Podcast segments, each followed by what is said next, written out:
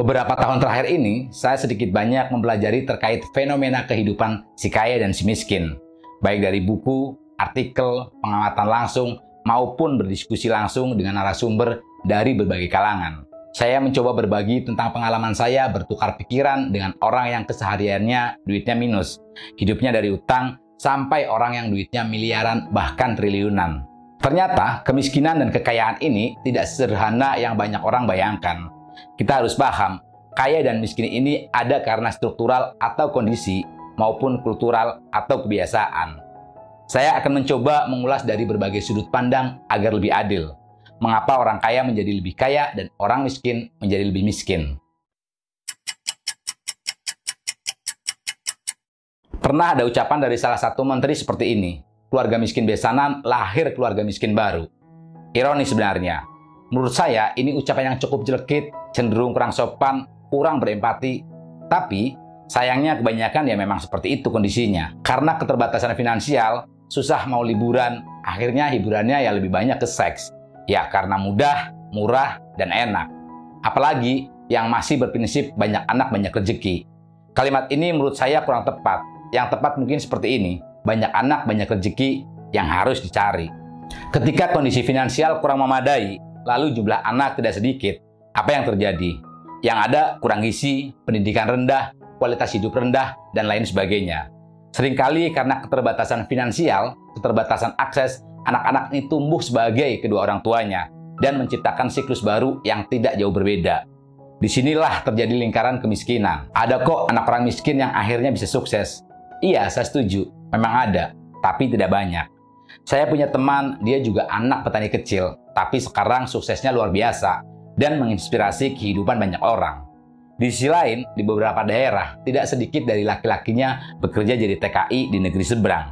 Jadi pekerja konstruksi, baik bapak ataupun anaknya. Dan ini sudah lintas generasi. Apakah TKI buruk? Ya enggak juga. Saya hanya mencoba memberikan perbandingan saja.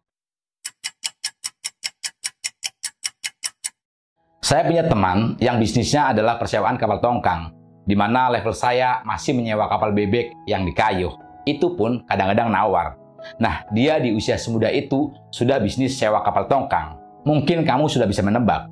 Yap, anak muda ini keluarga besarnya memang kebanyakan pengusaha tambang batu bara, nikel, minyak, tanah ratusan, atau bahkan ribuan hektar dan lain sebagainya.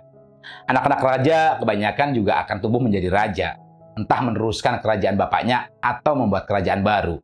Anak raja bergaul dengan anak raja, diskusi seputar kerajaan, hasilnya melahirkan kerajaan baru. Anak raja juga lebih melek finansial. Seringkali wawasan dan koneksinya juga bisa lebih luas karena aksesnya memang luas. Dasar dari manajemen keuangan adalah ada uang untuk dikelola. Karena sudah ada uang untuk dikelola, sehingga anak raja lebih mudah dalam belajar dan praktek manajemen keuangan. Karena terbiasa mengelola keuangan, akhirnya cenderung lebih bisa mengembangkan keuangannya sendiri. Walaupun tentu tetap melalui proses belajar, ada effortnya.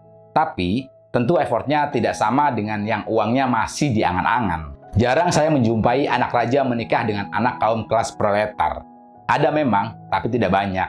Anak raja yang menikah dengan anak raja, melahirkan raja baru lagi. Kalaupun ada anak raja menikah dengan yang sebaliknya, minimal dia masih anak raja, masih ada modal untuk beli susu yang berkualitas dan pendidikan yang tinggi yang berkualitas. Siklus ini cenderung berulang dan melahirkan generasi baru yang tidak jauh berbeda dengan pendahulunya.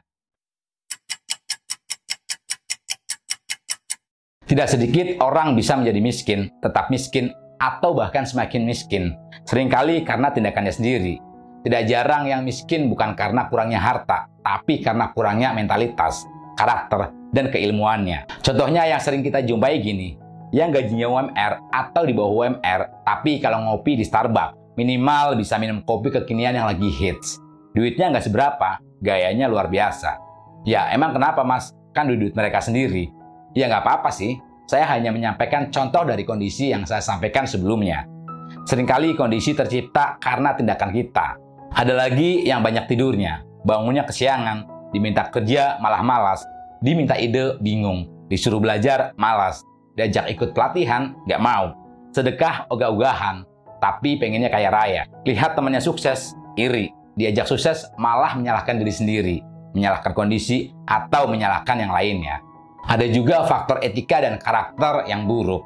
Tidak sedikit saya menjumpai orang lain yang saya lihat, mereka tetap berada dalam posisi itu justru bukan karena kompetensinya minim, tapi karena etikanya minim dan karakternya buruk. Tidak jarang saya menjumpai beberapa orang yang kaya dari proses, bukan karena turunan. Yang mereka hidupnya hemat dan sederhana sekali. Tidak sedikit saya menjumpai teman-teman saya yang kekayaannya luar biasa, religiusnya juga luar biasa. Padahal sudah kaya, sudah aman, sudah nyaman, masih sempat bangun malam, sholat malam, doa malam. Setelah subuh, tidak tidur lagi, lanjut aktivitas lain. Entah itu olahraga, baca buku, atau aktivitas produktif lainnya. Yang saya pelajari, orang-orang kaya ini lebih memilih menunda kesenangan jangka pendek untuk kesenangan jangka panjang di kemudian hari. Memilih bekerja keras selagi muda, selagi bisa, selagi mampu. Mereka sudah bekerja ketika orang lain masih tidur, dan masih bekerja ketika orang lain sudah tidur. Ada orang pintar yang mendapatkan beasiswa, tetapi tetap memilih untuk tidak melanjutkan kuliah dan memilih bekerja. Kenapa? Karena kalau dia kuliah, dia nggak bisa kerja maksimal. Kalau dia nggak kerja, keluarganya nggak bisa makan. Dia anak pertama yang menjadi tulang punggung keluarganya. Bapaknya meninggal, ibunya sakit-sakitan, adiknya banyak, dan masih kecil-kecil. Ah mas, kan bisa kuliah sambil kerja. Saya bisa kok. Itu cuma masalah prioritas dan manajemen waktu saja. Saya juga dulu mikirnya gitu.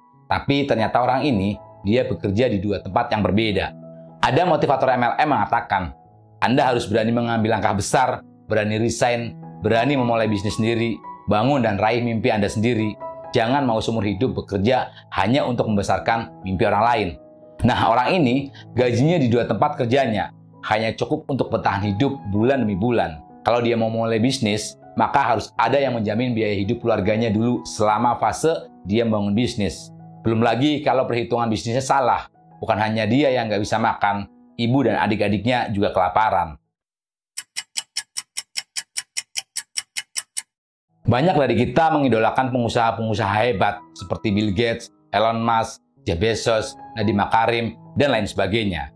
Yang sering tidak kita lihat, di balik orang hebat, ada orang yang lebih hebat lagi. Seringkali kita hanya melihat hasil akhirnya, tapi tidak melihat titik mulainya dari mana dan bagaimana support system di baliknya. Silakan googling siapa bapaknya Bill Gates, Elon Musk, Jeff Bezos, dan Nadiem Makarim.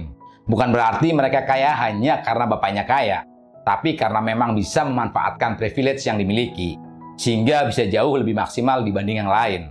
Mau sekaya apa pun bapaknya, kalau nggak bisa mengelola keuangan, ya bakal habis juga uangnya. Kita tidak bisa memilih terlahir dari orang tua yang seperti apa, tapi kita bisa memilih menjadi orang tua yang seperti apa. Tidak ada yang salah dengan dilahirkan oleh siapa pun, pada kondisi apa pun. Buat kamu yang mungkin terlahir dari keluarga berada, bersyukurlah, kembangkan, dan bantulah orang lain untuk mencapai tujuan mulia mereka.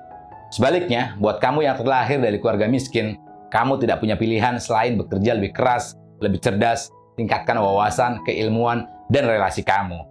Hidup ini adil, Tuhan itu maha adil. Hanya saja terkadang kita sering kali lupa bersyukur atas apa yang Tuhan berikan kepada kita. Bandingkan diri kamu dengan yang di atas untuk menjadi motivasi. Dan bandingkan diri kamu dengan yang di bawah untuk menambah rasa syukur. Teruslah hidup untuk bisa memberi arti.